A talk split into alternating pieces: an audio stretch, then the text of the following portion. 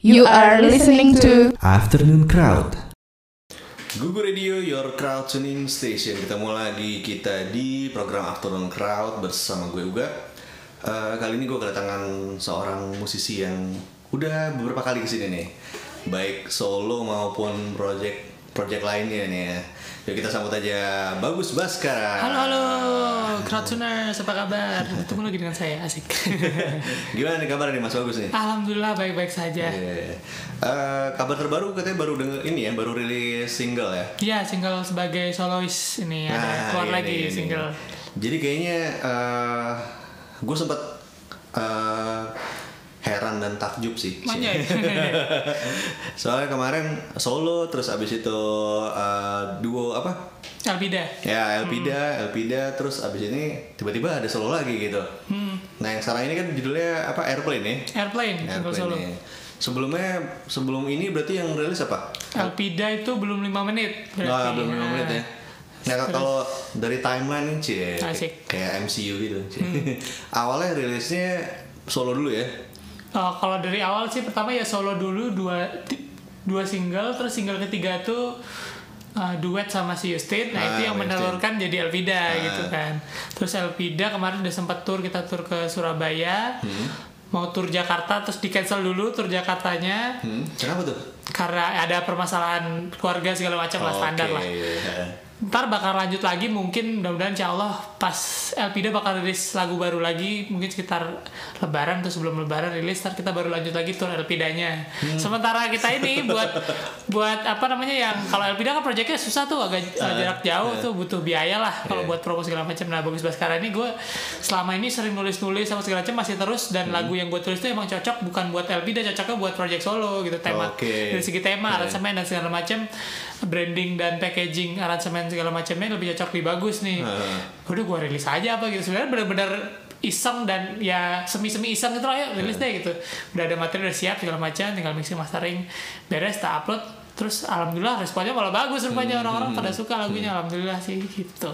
Tapi jadi bisa jadi selang-seling ya. Berarti kan eh, ini abis terakhir eh, belum lima menit Elpida, terus sekarang solo lo. oh Ini kayak sebelum puasa solo lo rilis nih singlenya. Abis itu abis lebaran Elpida. Yoi, gitu. jadi kayak istilahnya kalau zaman sekarang kan engagement tuh kayaknya harus itu Iya. ya harus ada lagi ada lagi ada lagi tuh ya beruntungnya sih alhamdulillahnya gue uh, nulis lagunya nyetoknya banyak nih Hmm. gitu. Terus kayak rekaman gue sistemnya juga nyicil biasanya. Kayak misalkan satu kali sesi recording take drumnya semua gitu. Oke, jadi iya, jadi ntar itu. iya kan? Jadi kan kalau mau gue tinggal milih gue ngerilis single yang mana nih? Elvida bagus Hmm. atau apa?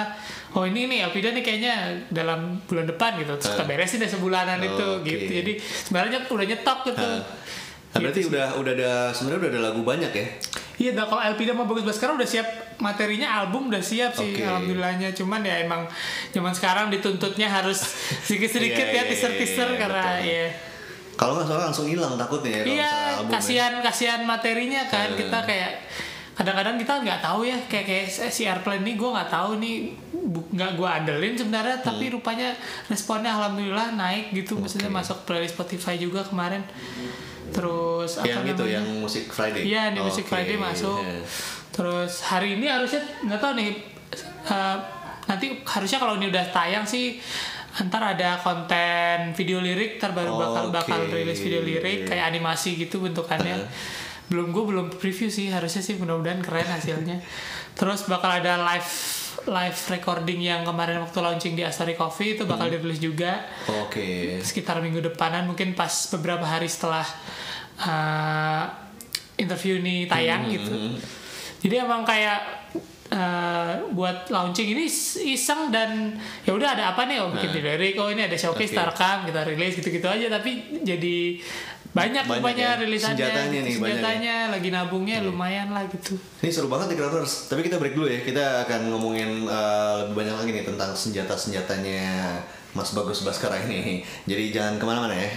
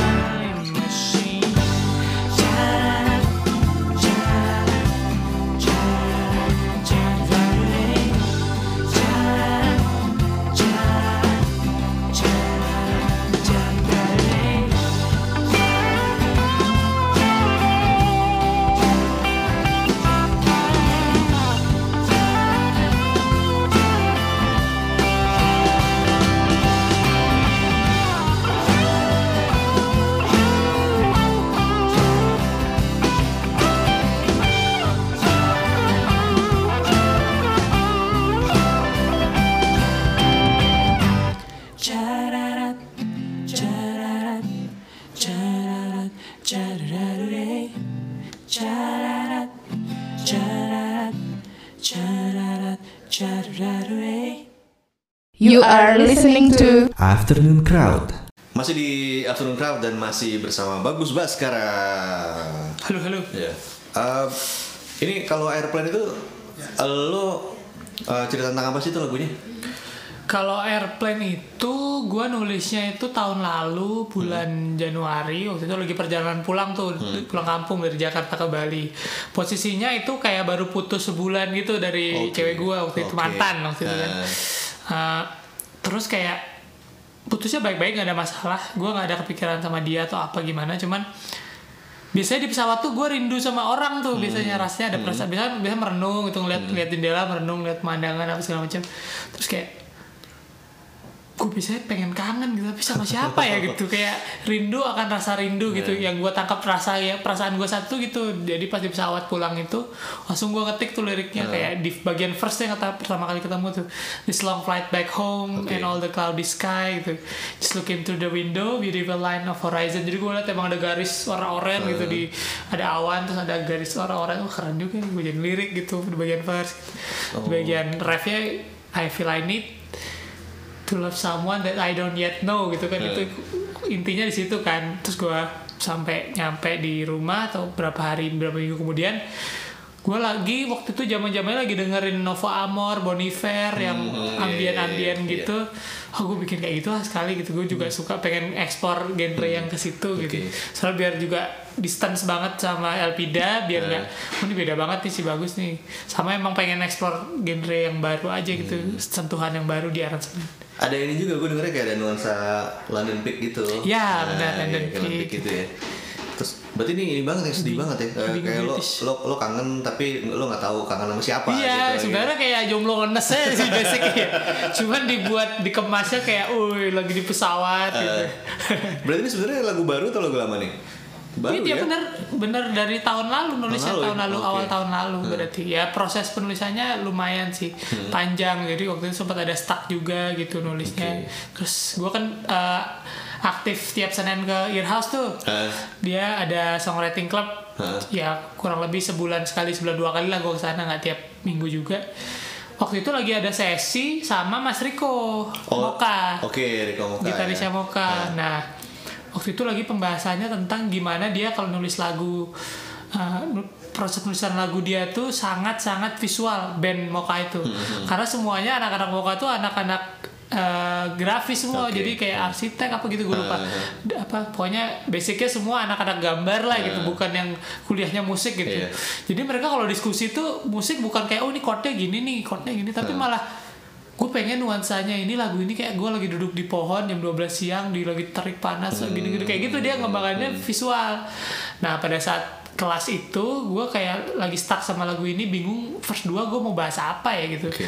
bait duanya terus kayak mas Mas Riko bilang, lu ngerasain apa waktu itu? Bayangin aja kondisi di sana. Hmm. Lu recall lagi ingatan waktu di sana terus kayak ya mungkin di embellish lagi tambah-tambah terus akhirnya di bait keduanya akhirnya gue dapet tuh yang turbulensi gitu. Mas, Mas Riko juga tuh kan kalau pesawat ada turbulensi tuh Hmm. Yeah. gitu. Akhirnya gue masukin ke part 2 kayak turbulence at this height despite there's moonlight little, little tremble and fright how could I make these things right. Jadi kayak uh, ada turbulensi gue ketakutan terus meskipun ada cahaya bulan kan itu penerbangannya sore itu kan awalnya sore kan di bait Iya. satu tuh sore itu masih ada horizon Hmm. terus setelah udah gelap terus ada sinar bulan terus eh, meskipun ada bulan gue tetap takut nih tetap Hmm. aduh gimana nih kan biasa kalau dari pesawat kan pasti ada rasa takutnya itu gue masukin di bagian verse 2 tuh kayak nuansanya yang di sana tuh gue rasain apa gue masukin ke lirik oh seru juga ya kalau nulis lagu tuh berdasarkan visual kita gambarnya kayak kita tuh lagi di film gitu berasanya gitu Oke, terus eh, Riko ngebantu apa lagi tuh dari selain itu?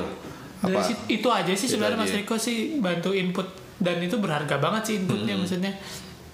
Kayak gimana kita bisa nge-explore lagu itu nggak cuma dari kayak chord atau apa oke. aransemen segala macam terus kayak pengembangan liriknya itu lebih ke kita gambarin kayak sebuah skenario film gitu cerita Hmm. gitu. Ini kita ngapain terus apa apa apa. Jadi kayak uh, lagunya pun jadi satu ka- kesatuan yang utuh gitu cerita dari awal ke akhirnya gitu gimana gitu Dan ini jadi kayak lo ada belajar sesuatu yang belum pernah dilakukan iya benar-benar gitu ya? Dalam cara baru dalam song ya? iya menulis Iya, lagu Oke. Nah kalau produksinya sendiri, nah produksinya sendiri Aha. kita bahas di segmen selanjutnya nih. Boleh, boleh, Jadi jangan ke mana-mana.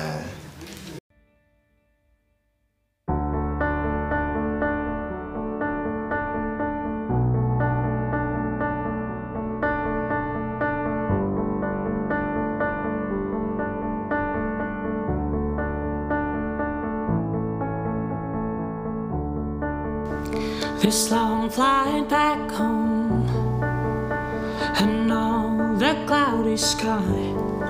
Just looking through the window, a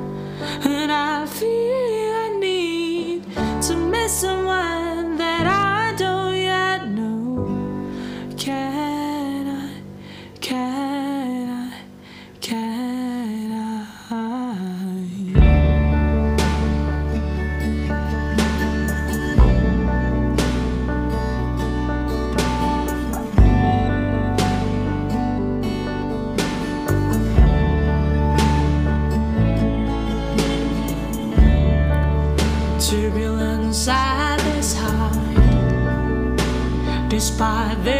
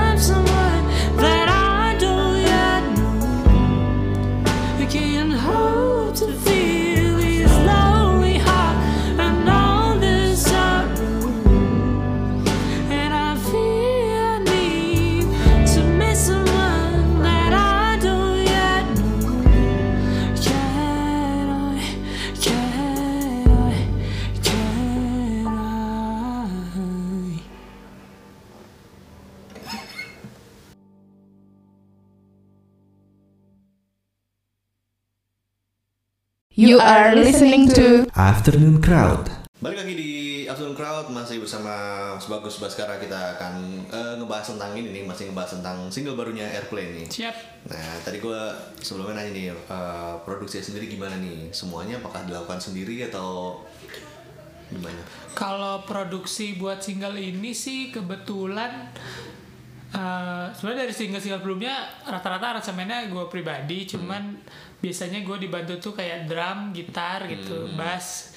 Kalau yang piano-pianoan pasti gue. Kalau buat lagu ini kebetulan drumnya dia eh, gambar MIDI Oke, doang ya. gitu, terus uh, bass gue yang ngetek sendiri, piano gue, gitar yang gue dibantu sama teman Mas Evan namanya. Dia sering bantu gue juga buat perform juga ngisi gitarnya. Udah itu sih paling. Oke. Uh, cuman gitar elektrik doang yang dibantu teman ngetek. Berarti bisa dibilang ini ya eh, apa ya multi talented sih. Semuanya. semuanya Amin. semuanya sendiri soalnya kan semua sendiri. Iya, nggak ada modal multi talent. Nggak ada modal mendorong jadi kreatif. Iya ya. itu biasanya gitu sih kalau kita keterbatasan modal terus uh, malah Ngakalinnya berpikir gimana? keras Iya. ngakalinnya gimana nih malah jadinya skill kita jadi banyak Iya. gitu padahal mah sebenarnya gara-gara gak ada modal Dan itu berarti eh, ini ya semacam apa ya home recording gitu ya. iya sih kalau cuma take gitar segala macam sih home recording cukup sih Sampai vokalnya vokalnya gimana? vokal ya juga Vokal juga. sama, Itu iya. berarti di, di mana? di studio sih kalau vokal Oh, di studio studio. teman itu. Oke. sekalian take gitar Nah, nah, terus kan eh, mixing masteringnya? Mixing gue udah mulai pede sama mixingan gue sendiri karena Oke. tiap hari di gue kan kebetulan musik komposer di kantor di sebuah televisi gitu Hah? mixing mulu tiap hari terus kayak kalau nganggur juga belajar mixing apa Hah. cari-cari stem-steman buat belajar mixing terus kemarin juga baru beli plugin-plugin yang kayak analog-analog Hmm. eh, apa namanya equalizer, kompresor yang rasa-rasa analog tuh sempat langganan udah mulai pede sama mixing sendiri jadi mixingnya sendiri. Masteringnya tetap dilempar ke temen namanya Mas Rizky. Hah? dia sound engineer di Net TV Oke. megang-megang mixing masteringnya program-program kayak musik everywhere Oh, gitu-gitu oke, tuh dia yang megang tuh. Gue suka sama hasilnya dia. Jadi gue mastering karena teknis banget masteringnya angka-angka segala macem gue mending lempar ke yang ahli aja. Jadi gue mixing sendiri udah aman gue lempar ke dia buat mastering Hmm. gitu sih Lo pernah kepikiran ini gak sih mastering online? Pernah single pertama kan mastering online Oh, gue online, iya ya. Itu? Sagi Audio gue Oh. oke. sagiaudio.com itu bagus sih hasilnya Iya. emang cuma ya balik lagi ngirit modal Iya sih, iya. keluar Iya, negeri iya. Hmm. budgetnya lumayan tapi emang hasilnya gue puas sih kalau mastering keluar sih soalnya mereka emang SDM dan eh, al- alat-alatnya emang luar biasa. Oh, Kayak- ini, ini tapi ma- masteringnya uh, masih Nah ini mastering in the box sih, kayak cuman Oh, software, cuman nggak tahu dia kan udah Ah, iya, jam iya. terbang sih emang kalau emang sound engineer yang ahli beda memang sih hasil masteringnya. Tapi kayak ada ini kan, kayak mastering online yang emang uh, ada kayak template-nya gitu. Jadi lo lo Oh, upload, iya, iya. lo upload nanti lo Iya. ini lagi kan. Itu kayak mendingan ke orang deh sebenarnya. Oh, iya, gitu iya, ya? kayak orang kan lebih tahu genrenya apa terus kayak Oh. misalkan kalau mau automation Hah? di refnya agak lebih gimana, pas verse kayak gimana tuh kan juga bisa diatur kalau Oh, kalau orang yang oke. nge-treatment gitu Hmm. loh. Soalnya kemarin sempat sempat nyoba juga gue. Ada juga yang udah sampai lo bisa nentuin Genrenya apa? Genrenya-. Apa ya tuh? Aria bukan? aduh lupa gue. Uh, E-master. lupa nanti habis ini Iya, kita iya, ini. siap, siap. Jadi pokoknya lebih lebih detail sih. Jadi nggak nggak cuma lo ngupload ntar lo nerima hasilnya, cuma lo bisa lo tweak juga gitu. Hmm. Oh. Terus kayak misalnya more bass atau less atau ini Oh kayak iya gitu. iya iya iya. Lo bisa preview gitu lagi. Itu juga sebenarnya bisa jadi alternatif buat yang dananya dikit. Iya benar itu bisa soalnya itu kan digital kan. Iya. Kalau yang gua waktu single pertama gua tuh sagi audio tuh sebenarnya cuman orang di luar negeri buka jasa mastering bukan yang kayak automation Iya, iya. mastering. Berarti masih orang yang Nah, ngerjain. orang kan, ya? emang emang kuliahnya kuliah Oke. mastering pikirin tuh ada orang kuliahnya cuma belajar Iya, mastering iya, itu ya hasilnya ya, ya wajar gitu Iya. bagus benar-benar kalau pengalaman gua pakai itu namanya sageaudio.com Hmm. itu kayak mixing gua tuh nilainya ya udah udah 80 gitu Eh. kan. Terus pas di mastering tuh jadi 100 gitu hasilnya waduh keluar semua gitu kayak vokalnya lebih duduk apa instrumennya lebih Eh. lebar, lebih maju semua gitu. Ya emang alat dan SDM nggak bohong sih gitu. Tapi kalau misalnya orang udah jago mastering, dia otomatis jago mixing gak sih? Enggak sih. Enggak ya? Mixing tuh jatuhnya lebih ke ada seninya juga seniman Iya. kan. Mixing tuh kan kayak art juga. Jadi Ah. menurut gua kalau mixing itu setiap orang punya karakter Hmm. masing-masing dan nggak bisa dibilang satu orang mixingnya lebih bagus dari yang lain karena ujung-ujungnya selera gitu. Oke, ya, selera ya. Selera dan eh, apakah si tukang mixingnya itu, mixing engineer-nya dia eh, apa namanya seleranya cocok sama kliennya atau Iya, enggak gitu betul. kan maksudnya Iya, iya. kalau pas emang mungkin dia misalkan cocok buat genre musik-musik yang gini-gini gini terus dia dikasih project yang genrenya genrenya di luar yang dia biasa kerjain mungkin aja jadi nggak cocok gitu padahal sebenarnya dia kayak udah sering banget mixing dan cocok orang-orang pada Oke. suka tapi Hmm. pas di- dikasih genre yang nggak sesuai sama dia dan referensinya mungkin nggak dapat dia ininya Hasilnya nggak Hmm. sesuai. nggak sesuai jadi- gitu lebih ke seniman juga sih kalau misalnya engineer sih mixing ya kalau mastering tuh beda lagi tuh hitungan Iya. soalnya Oke, kita balik lagi nih ngobrolin lagu nih. Nah, siap siap siap apa-apa setelah tadi selesai, uh, udah ngapain aja nih dengan single barunya nih? Single baru ini ya kemarin baru rilis di digital platform tanggal 26 April kemarin. Nah, masukinnya, masukin lewat, lewat mana? Sendiri? Masukin atau- agregator sih. Agregator sini? Ha, agregator Oh, oke. Indonesia. Kemarin itu terus alhamdulillah kemarin pas hari pertama rilis masuk di New Music Friday di Hmm. playlistnya Spotify. Sampai hari ini kayaknya masih ada mudah-mudahan. Ha. Terus bakal ada ril- rilisan video lirik juga nanti Oke. animasi gitu. Sama kemarin uh, uh, hari H launching itu ada showcase di Hmm. Astari Coffee. Terus baru kemarin itu tanggal 2 Mei perform di Earhouse juga Hmm. showcase tunggal. Terus besok itu tanggal berapa? Besok? Tanggal 4 ya? Tanggal 4 ya? Iya tanggal 4 Mei berarti setelah ini tayang eh, tanggal 4 Mei itu ada main juga di acara di Kemanggisan. Oke. Terus tanggal 10 Mei itu bakal main di kios aja kios. Ntar gua Oh, bakal oke. ada manggung bareng sama Kak Nesa namanya Vanessa Arterta. Oke. Eh, bareng itu kayak kita bikin eh, showcase bersama lah gitu Hmm. kayak setlistnya dia sama setlist gua kita manggungin bareng-bareng gitu. Oh, jadi lo main tapi main berdua? Beda-beda sih, Oh, tapi ntar paling ada satu lagu yang kita duetin Oh, atau gitu gimana lah kita aturnya nanti. Nah, kalau yang uh, showcase sendiri yang pertama yang di Astory Hah? gimana tuh? Apa di situ ngapain aja? Ada siapa? Eh, kalau di Astory kemarin itu dibantuin sama ada opener dari temen gua ada namanya Curly. Hmm. Terus dia tuh R&B singer cewek gitu, Hmm. base Jakarta base juga sama temen gua namanya Egi Firjawan. Oke, udah pernah sini Firjawan udah pernah ke sini ya. Nah. Egi Firjawan dia kalau yang belum tahu dia folk genrenya folk, Hmm. singer songwriter folk dengan apa namanya base-nya dia di Bekasi sebenarnya, Iya, Bekasi, tapi gua ya. ketemunya di Earhouse di Pemulang Oke. gitu. Ya, oh, situ lah yang songwriting ini ya? Iya, songwriting Oke, club gue ketemu di situ. Gue suka banget sama dua orang itu jadi minta tolong mau nggak nih di acara gue terus mereka mau bantu gitu. Hmm, oke. Nah, kalau apa video lirik yang bikin siapa? Video lirik namanya eh, Rizky namanya. Hmm, oke. Gue lupa nama panjangnya siapa.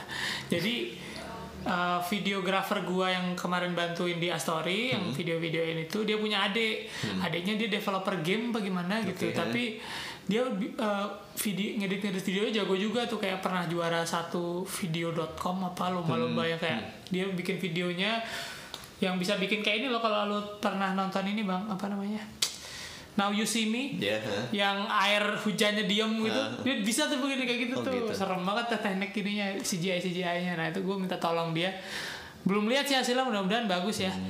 sama itu video lirik materi uh, gambarnya dibantu namanya Mas Putra Galih dia Oke. desainer desainer kaos merchandise gue tuh dia yang ngedesain Oh. juga itu gue kasih materinya ke animatornya gitu si uh, siapa tadi Rizky Nah, itu kenapa nggak lo sekalian jadiin video beneran aja ya, bukan video lirik?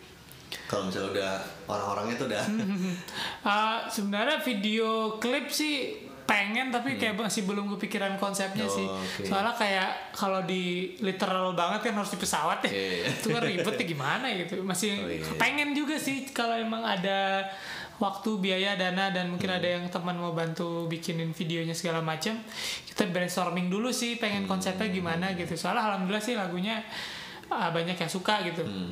pengen sih ada video klipnya belum tahu tapi gimana gimana nya Nah ini ke depannya berarti eh, sampai puasa mungkin akan eh, show-show aja Iya ya. showcase showcase promo sih. Sampai lebaran nanti baru Lebaran ntar bakal ada Elpida. Elpida lagi. Tapi ya nggak menutup kemungkinan kan itu entitas yang berbeda ya. Iya. Jadi tetap sih bagus tetap promo, Oke. Elpida tetap promo gitu.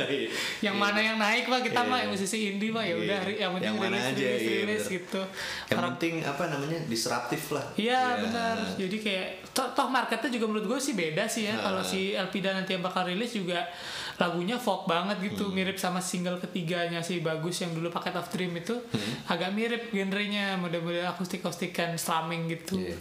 Ya kalau misalnya dua-duanya nih eh, Hmm. albumnya sendiri akan rilis kapan nih kira-kira nih? Waduh, album sih ini masih didiskusikan sama tim gue juga sih, soalnya uh, apa namanya zaman sekarang album tuh kalau emang se- sebagai musisi kayaknya kita pengen punya album gitu ya, ada album cuman uh, sayang menurut gue karena kenapa kita bela-belain bikin album? Toh kalau kita ngeluarin single-single malah itu orang uh, eh, apa namanya atensi orang lebih banyak malah daripada kita bela-bela oh kita punya album Iya. nih punya ini nih gitu. Toh juga album eh, paling kita bisa apa bu? Cuman bawa pas showcase kan gitu bawa Oke, CD iya. fisik pas showcase. Ya emang gue suatu hari pengen gitu ada CD fisik. Tapi sementara gue belum ada CD fisik gue bisa jualan kaos gue bisa jualan stiker apa iya. tas. Tetap bisa jualan merchandise gitu istilahnya kalau emang orang suka sama karya gue dan pengen support pas lagi nonton gitu ataupun mau pre-order atau mau DM langsung di sosmed tetap bisa gitu. Maksudnya CD fisik gue suka gitu pengen punya juga itu kayak oh gue lagu gue ada bisa dipegang sama orang gitu gitu kan cuman ya emang zamannya sih ya digital Iya, iya, itu kalau rilis satuan dan gue alhamdulillah sih udah mulai dapet caranya tuh biar uh, oh nih kalau masuk ke playlist gimana Hmm. terus kayak oh pro- promo-promo ini gimana biar biar orang makin tahu makin tahu Iya, makin iya. tahu dan di per satu lagu ini biar maksimal dulu Oke. gitu Intinya emang emang emang ini ya, emang harus eh, tahu trennya ya. iya benar. Bukan yang kan ada sebenarnya ada juga yang musisi yang ya pokoknya gue mau tetap rilis album karena Iya. album itu berarti gitu ya segala macam lah gitu ya. menurut gue juga ya berarti juga Hmm. sih makanya pilihan juga maksudnya Iya. kalau menurut gue sayang sayang orang nggak tahu lagu lu malah ujung-ujungnya Iya, gitu kayak betul. cuman tahu dua tiga lagu empat lagu gitu ya ya beruntung kalau emang marketing dan duit lu gede banget Hmm. Iya. bisa promoin album itu Nah, sampai so- soalnya gue juga gitu. gue juga ngeliat eh, sekarang tuh kayak perbedaannya adalah ketika dulu zaman dulu tuh lo bikin album orang akan ngulik satu-satu lagu lo Ya, gitu kan. benar. Ada istilahnya apa ya? Waktunya tuh ada gitu. Kalau sekarang kan habis ini next next gitu Oh, iya. kan. Terus kayak kemarin gue ngobrol-ngobrol sama Mbak Endah tuh dia Hmm. kan kemarin liatin eh, apa namanya datanya dia di CD Baby dia kan nggak salah pakai CD Oh, Baby CD kan. Baby. Terus orang tuh denger lagu dia paling banyak tuh di playlist. Hmm. Orang yang beneran nyari Endah Enresa gitu Iya. kayak nggak ada setengahnya dari orang yang dengar di playlist. Oke. Jadi emang trennya zaman sekarang orang tuh nggak nyari artis malah Iya. pengen nyari nuansa apa terus ada Iya. di playlist. Nah, Nah. strateginya sekarang kalau mau masuk playlist mau nggak mau ya single-single tuh jauh lebih apa namanya besar peluangnya Hmm. buat masuk playlist padahal lu rilis album dek udah keluar kita masukin si yang masuk playlist satu dua tiga lagu misalnya Nah. terus sisanya tuh kasihan Iya. gitu padahal sebenarnya materinya bagus-bagus semua gitu ya kita sebagai musisi kadang-kadang emang harus ngalah di situ kalau Iya. emang ya kalau emang kamu sayang sama lagunya gitu Iya, loh benar, benar. kalau emang lu cuman bukannya cuman ya kalau emang idealisnya pengen oh gue punya pengen punya album full gini ya silakan nggak Hmm. Iya. apa-apa itu caranya sama kayak ada temen gue tuh kemarin gue nonton showcase-nya namanya Marini Hmm. Dia singer songwriter juga dia jazz gitu. Di sistemnya menarik tuh. Jadi yang rilis digital Hmm. satu-satu. Tapi dia udah megang CD fisiknya. Jadi materi dia udah jadi sebenarnya.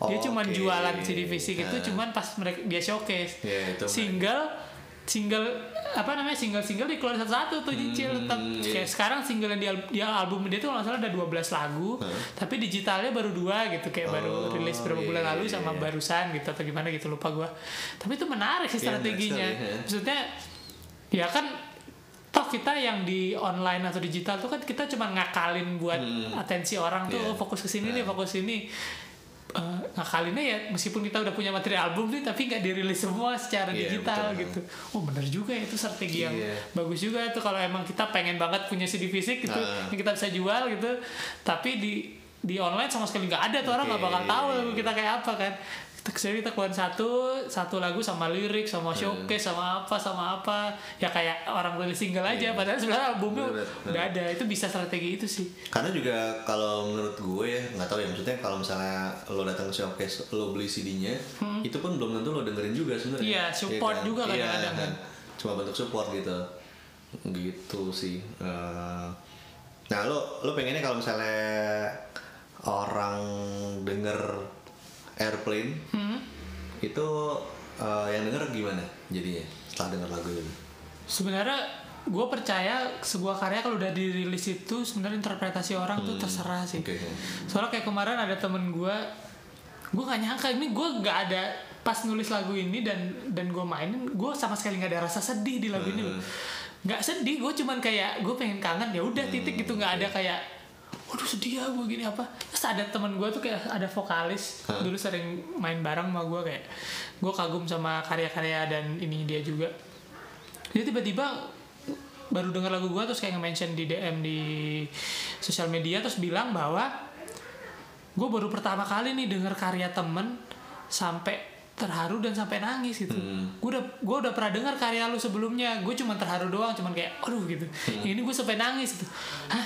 Lagu kayak gini bisa bikin nangis gitu. Gue kayak emang emang interpretasi orang bisa Iya. beda-beda gitu. Lu mau ngerasain apa pun terserah pendengar sih. Gue udah bebasin ke orang kayak terus kayak gue eh, ada yang bilang ngawang lah terbang apa ya itu biasa lah karena emang gue emang nuansanya pengen ada ambient gitu itu wajar cuman orang bisa nangis tuh gue heran sih gitu maksudnya ini Mungkin bukan iya. lagu sedih gitu Iya, tapi pas kena kali sama dia. iya ya. makanya Iya. makanya gue kayak bebasin aja sih sebenarnya Iya. orang mau dengernya nangkepnya gimana Nah, eh, kalau misalnya Kratonus mau tahu tentang lo, ini bisa ke mana aja nih? Oh, gampang bisa ke sosial media gue semua di Bagus Ubud. Hmm. Itu Twitter, Instagram. Kalau di Facebook tuh page-nya Bagus Ubud Music Hmm. pakai C.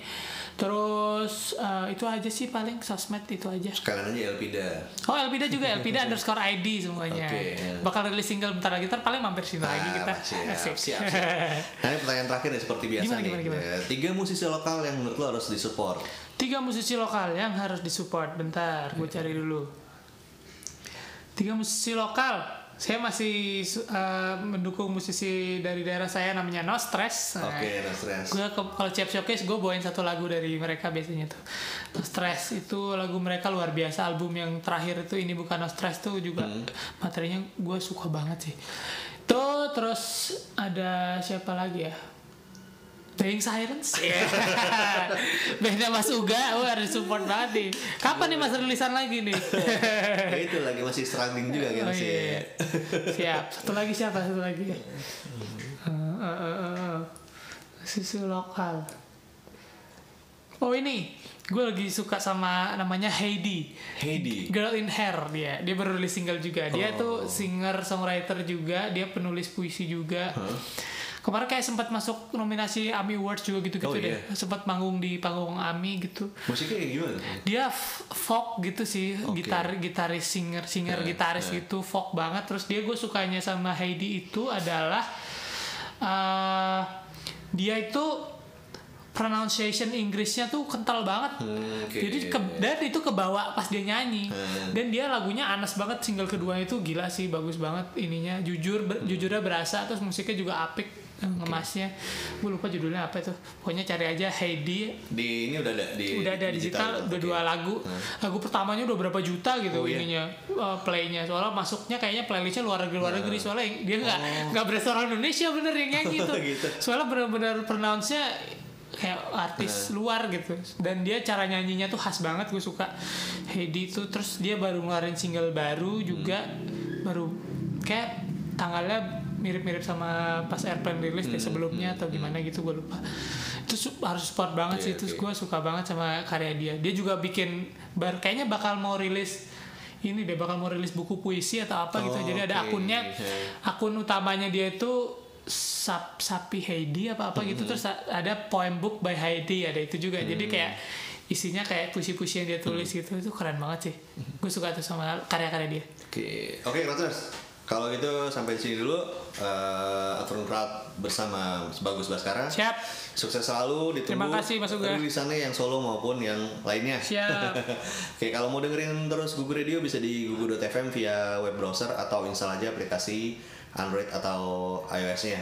Dan bisa juga dengerin podcastnya di bit.ly slash gugu podcast G nya huruf besar. Oke, kalau gitu sampai ketemu lagi di Afternoon Crowd berikutnya. Gue Uga dan Bagus kita pamit dulu ya. Dah. bye Google Radio, your crowd tuning station.